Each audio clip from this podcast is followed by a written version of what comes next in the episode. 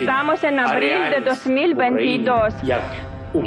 Pero parece que estamos en abril de 1937, cuando todo el mundo se enteró de, una, de una de vuestras ciudades, Guernica. Mikel Reparaz naiz, kazetaria. Mundu zabaleko albistez informatzea da nire lana eta EITB-ko nazioarteko arloa koordinatzen dut. Volodymyr Zelenski Ukrainako presidenteak Madrilgo diputatuen kongresuan egin zuen entzun dugun adirazpen hori. Jakina, Gernika eta Mariupol esaterako ez dira gauza bera eta ezin dira bigatazkak parekatu, baina Zelenskik Gernikako bombardaketaren ikurra, alde simbolikoa azpimarratu nahi izan zuen. Lo que estaba haciendo era poner de manifiesto que lo que está ocurriendo en muchas ciudades de Ucrania hoy en día eh, ocurrió aquí eh, en 1937, concretamente en Guernica, pero también en Eibar, en Durango, en Munguía, en Larrabechu, en Lemoa, en Bilbao y en otras muchas localidades. El mayor paralelismo es que las personas que están muriendo son seres humanos, fundamentalmente civiles, que pierden la vida. Eso es exactamente igual eh, hace 85 años hoy en día. Xavier Irujo, Nevadako Unibertsitateko Euskal Ikasketen Zentroko zuzendaria da. Esaten da historia ez dela errepikatzen, baina herrima egiten duela, ustez Mark Twainek idatzitako esaldia da hori, eta egia da, mila bederatzireun dagoita marreko amarkadan, munduan gertatu zenaren herrimak, oi hartzunak, datozkigula etengabe azken urteotan, Ukrainako irudiak zuribeltzean jarriz gero, zibilen mugimenduak, milioika herritarren iesaldiak, garai haiek datozkigu gogora.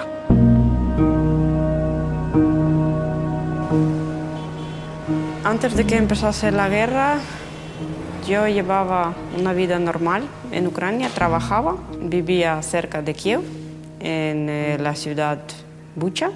Nuestra vida era, era tranquila.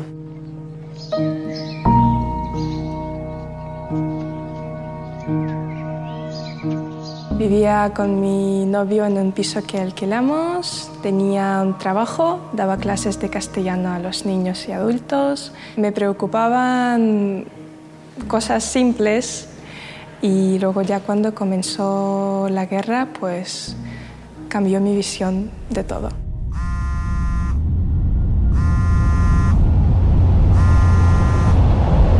El 24 de febrero me desperté por la llamada de una amiga mía que en aquel momento estaba, vivía en el centro de Kiev y me comunicó que, Ana, comenzaron a bombardear Kiev.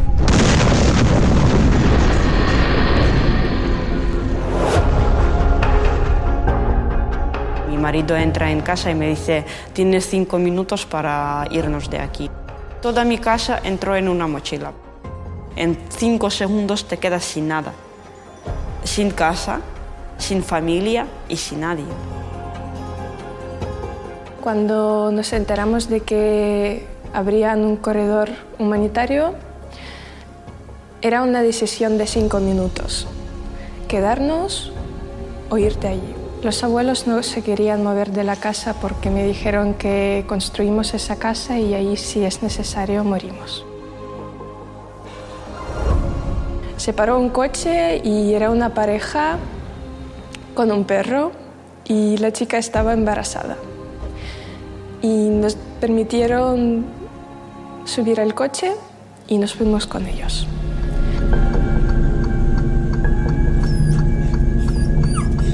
En ese camino nos paró un soldado ruso y pidió que le enseñáramos los teléfonos.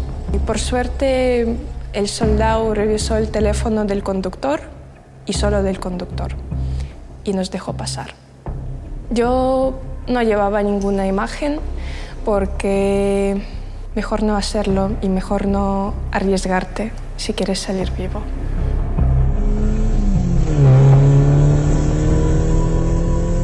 Primero que fuimos es a un pueblo, eh, a casa del amigo de mi padre. Estuvimos ahí dos días y mi marido me dijo, tú si quieres quédate, pero yo, yo me voy. Le digo, ¿cómo que te vas? Pues yo me voy. Le digo, por favor que no. Y me dijo que sí, que él se iba porque me dice, tú ponte en mi lugar. Cuando se termine la guerra, mi hijo me hará la pregunta, papá, ¿tú dónde has estado mientras la guerra tenía lugar en Ucrania? ¿Y qué le voy a decir yo a mi hijo?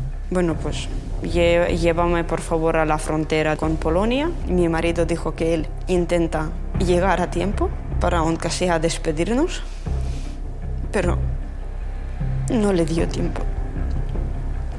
Fuimos sin despedir. Jalina Klimenchenko eta Ana Reshetniko gurera etorri diren errefusiatu ukrainarrak dira. Haien etxeak atzean utzi eta segurtasuna bilatzen dute, biziraun nahi dute. Borrokaldien gatik etxea utzi duten pertsonen kopurua amabi milioitik gorakoa da. Iraganean, antzeko egoerak bizi izan dituzten gizon emakumeek ongi uler dezakete ies egin beharrak zer esan nahi duen.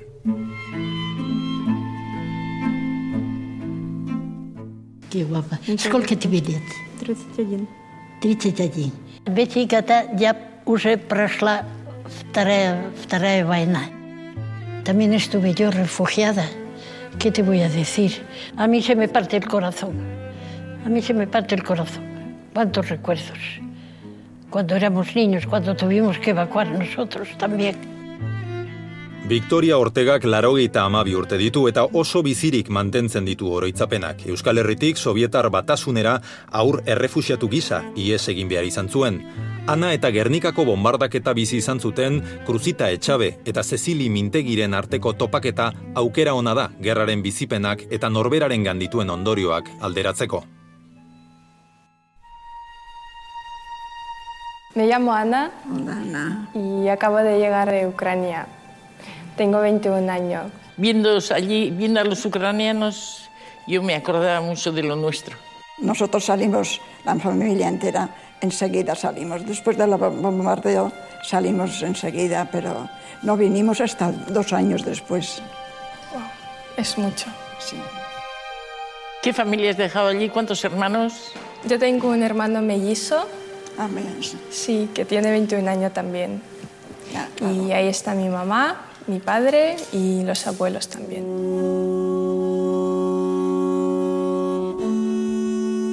Hay que empezar diciendo que el exilio es una, mm, una atrocidad típicamente genocida.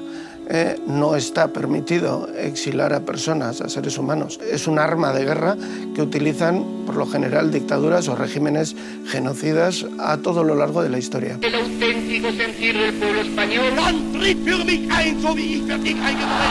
Nuestro exilio empieza en julio del 36, cuando ya los primeros navarros escapan hacia donde pueden. Conforme avanza el frente, eh, estas personas, fundamentalmente civiles, escapan hacia las zonas controladas por el gobierno vasco y se genera un colapso ¿eh? de, una marea civil que inunda Bilbao, que llega a tener más de 200.000 refugiados en, el tiempo del bombardeo de Guernica. Eta ateratzen dire, mila kaume Euskal Herritik, Bizkaitik, hasieran eta gero Santanderretik eta horrela. Eta baita ere, bueno, oso ezaguna da, ezagunetako bat oso bitxia delako, zera, Frantziatik abiatuta, Union Sovietikara, SSB delakora, junziren bi mila eta piko ume. Hor dago gauza importante bat, azpimarratu behar dena. Beraiek pentsatzen zuten orduan, erbester aldi hori, edo ies hori, izango zela egun batzutako kontua, aste batzutako kontua. Eta gero, gerra aurrera juten den einean, pizkanaka, pizkanaka, helduak, Kao, jabetzen ari dire, agian betirako izango dela. Josu Txueka historia irakasleak frankismoak eragindako erbestea ikertu du. Dokumentu zaharretan eta biktima askoren testigantzetan oinarritutako ezagutza da berea.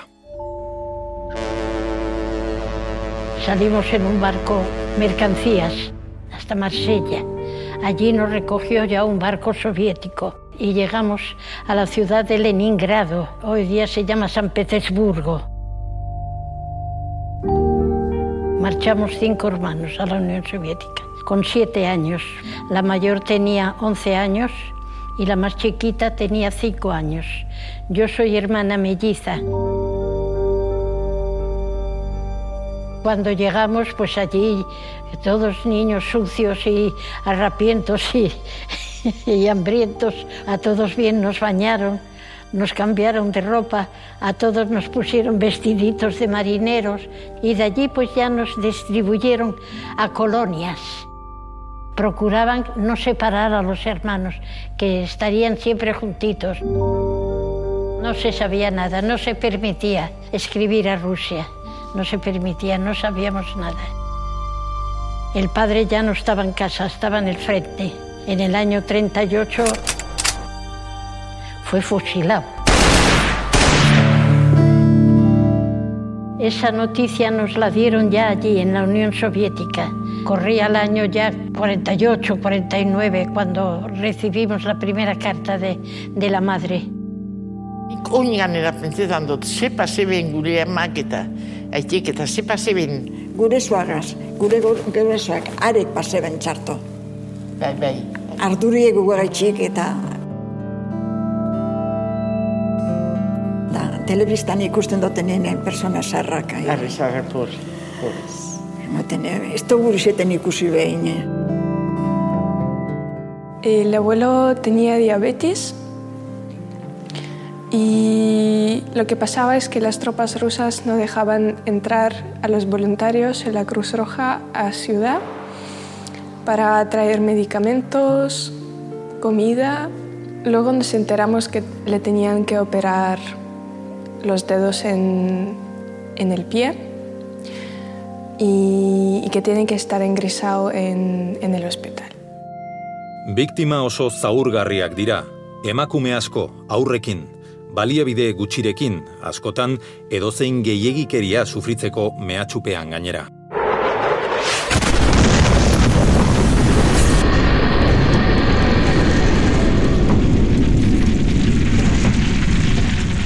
Euskadi en 1936 y 37 hubo un total de 2.000 bombardeos, más de 2.000 bombardeos. El primer bombardeo de la guerra fue un bombardeo de terror.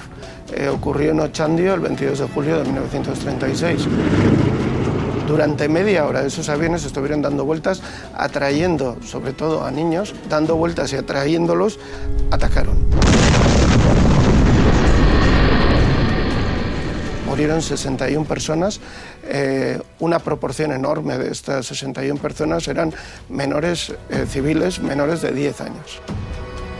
Algunas de los vecinos de, de Ochandio perdieron, en caso de una familia concreta, a sus cinco hijos y al marido. La, la mujer quedó viuda sola en media hora. Frankistek bombardatu zituzten helburu zibilak ez bakarrik helburu militarrak, baizik eta edozein herri eta horrela, gerra hasi zenetik. Alde frankista gerra irabazteko izan zuen tresnarik eraginkorrena, izan zen egazkineria.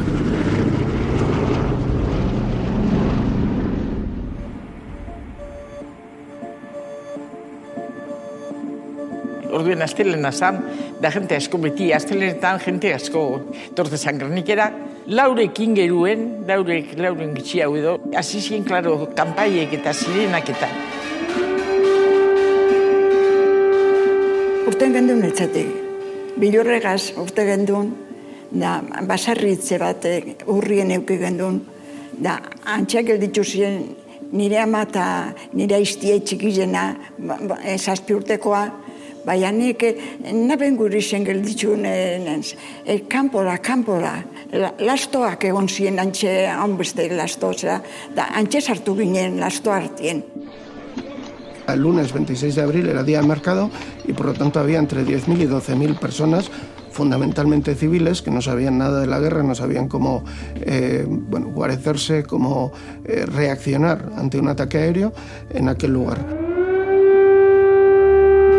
Pasizan abiu bat, bat bakar pasizan. Da, urduen, klaro, ikeratu ginen danok, ikeratu eta gero ez handi pasizien milizianu batzuk eta zaskuen, entzun, entzun horre karkaban, kamio bidien, usan karkaba bat, antzedanak entzunde. Egon ginen, ba, kasi que bombardeo akabe arte, sortirik engeruen akabe zan bombardeo, bombardeoa. Abiek baju, baju, baju pasata ziren. Da pilotuek, akorretan azela lagunek esautan, mira como se ríe, pilotua. Bajatu ginen gernikera. Da, nahi gerniken izin zan, dana zuten, dana zuten. Zuen inferno eleziz. Gentie, dana preguntetan e, euren familie ikusi behar da be. Las vista mi madre, a mi padre, y, y danok. 85% de las bombas que se lanzaron eran incendiarias, lo que provocó temperaturas de más de 3.000 grados centígrados y eh, la destrucción total y completa del 85% de las viviendas, de las estructuras de Guernica de aquel tiempo. Murieron más de 2.000 personas a causa del bombardeo. Kamioie, joan ziren Gerniketik kamioie dauela Bilbora. Interesan e, nire. Da, kamioi baten joan ginen Bilbora danok. Bai, barku egin ditut Santanderren on ginen barku barruen. Emotu eskuen e, jateko pate edo osteiz, porkintze bat. Ba, ez ez da, ez da, ez jan behin egin duen, ez jan ez edan, zebez, zebez, sartu ginen ez zeren barkuen, da lehenengotan bat ire baia, gero hasi zen Maria Sinoak danak, Claro. danak bombitzuke, danak bombitzuke, da, da, da iztute larri, iztute larri. Urte gendu, ba, Ganera, lurrien egin duen lo, toldo batzun. edo, edo nun, edo nun. Como toldos. Bai, hori bai, hori pasa, le, loko txarranetarikoa be bai. Bibili ginen ber, San Juan de, de Pidepor, eh, elduteko, eldu ginen, badino, San Juan egune. Beste ez baden pora, ginadan, da gero joan ginen, Bai, eh, Pa- Parisera. cuando terminó el bombardeo a las 8 de la noche, que fue aproximadamente cuando terminó, pues íbamos a una casa que era al final de los tilos. Y no solo nosotros, iban otros como se veía en Ucrania, que iban con sus maletitas, niños y así, pues así íbamos nosotros también.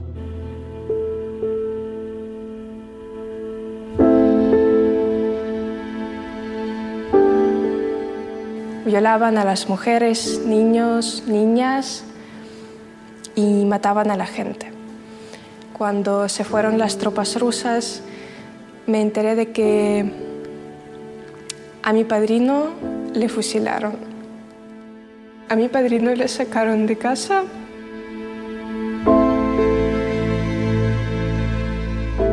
Le llevaron al garaje y le fusilaron. Sin ninguna razón.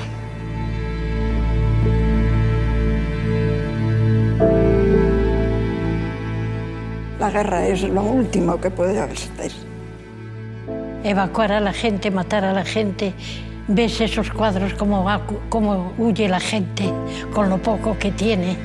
Bueno, La gente que se ha muerto en tanto Mariupol y lo que están haciendo ahora con, eh, con Gerson, con Mykolaiv, con Odessa, con Severodonetsk, es que mm, el rostro de humanidad mm, yo no creo que se pueda encontrar en esta guerra.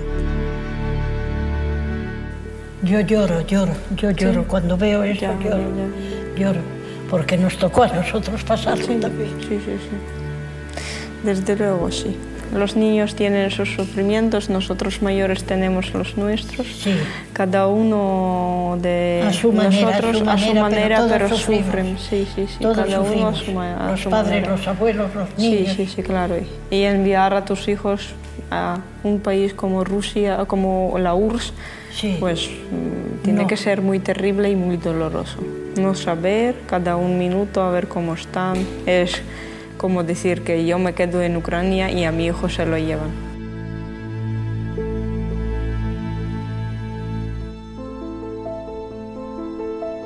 Llegué a San Sebastián el 19 de marzo, justo 10 días después de evacuarnos de mi pueblo. ¿Y aquí qué, qué, qué familia tienes en Donosti? ¿Qué son? ¿Tiene más hijos? Sí, tienen hijos, dos hijos de más o menos 42 años. Sí, Son ya bien. mayores y les agradezco muchísimo por todo lo que hicieron por mí. ¿Qué voy a hacer yo sola en Ucrania, que mi familia está en la zona de ocupación, y yo sola con el niño? Y aquí como tengo en San Sebastián una familia, me compraron los billetes y luego nos hemos venido aquí. Abramos todos los brazos y acojamos bien a, a los que vienen de fuera, sean bien recibidos, que por todo hemos pasado.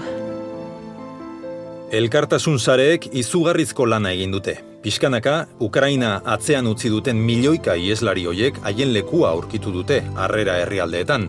Iraganetik ikasi dugun zerbaita elkartasuna, baina antza ez dugu ikasi, gerra ez dela irten bidea, gerrak oinazea eta eriotza besterik ez dakarrela. Ikasi ikasi dugu asko, baina gero naiz eta ikasi berriro errepikatzen dire jokaerak. Zoritzarrez, er, historia hauek errepikatzen dire. Claro que se repite. Si no es una provincia es otra, si no es un país es otro. Si medio mundo está en guerra y se recuerdan, yo los tengo contados a los hijos y a los nietos y a los bisnietos les tenemos contado nuestra historia. Mi abuela tiene también 92 años. Sí. El único deseo que tiene es volver a ver a nosotros y volver a ver a, A mi hijo, A su bisnieto. a su bisnieto. Algún día, algún día será, Algún algún, día, día, será. ojalá. Algún día será. Es lo más importante que familia no esté separada. Sí, La, la familia es muy importante. la familia separada es lo último. Ya va, todo va a resultar bien. También lo creo.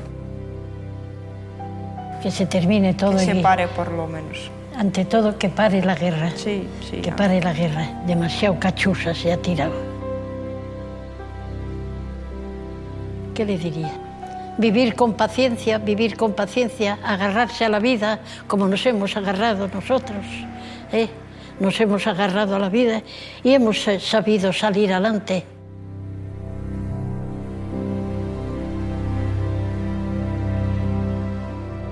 Atal honek bi gerra hauetako protagonisten lekukotasunak jasotzen ditu. Testu ingurua ulertzen lagundu diguten adituekin batera, bi gerrako testigantzak dokumentalean jaso direnak entzun ditugu. New Digital Media Euskadik Euskal Telebistarentzat eta Gogora Institutuarentzat ekoiztua.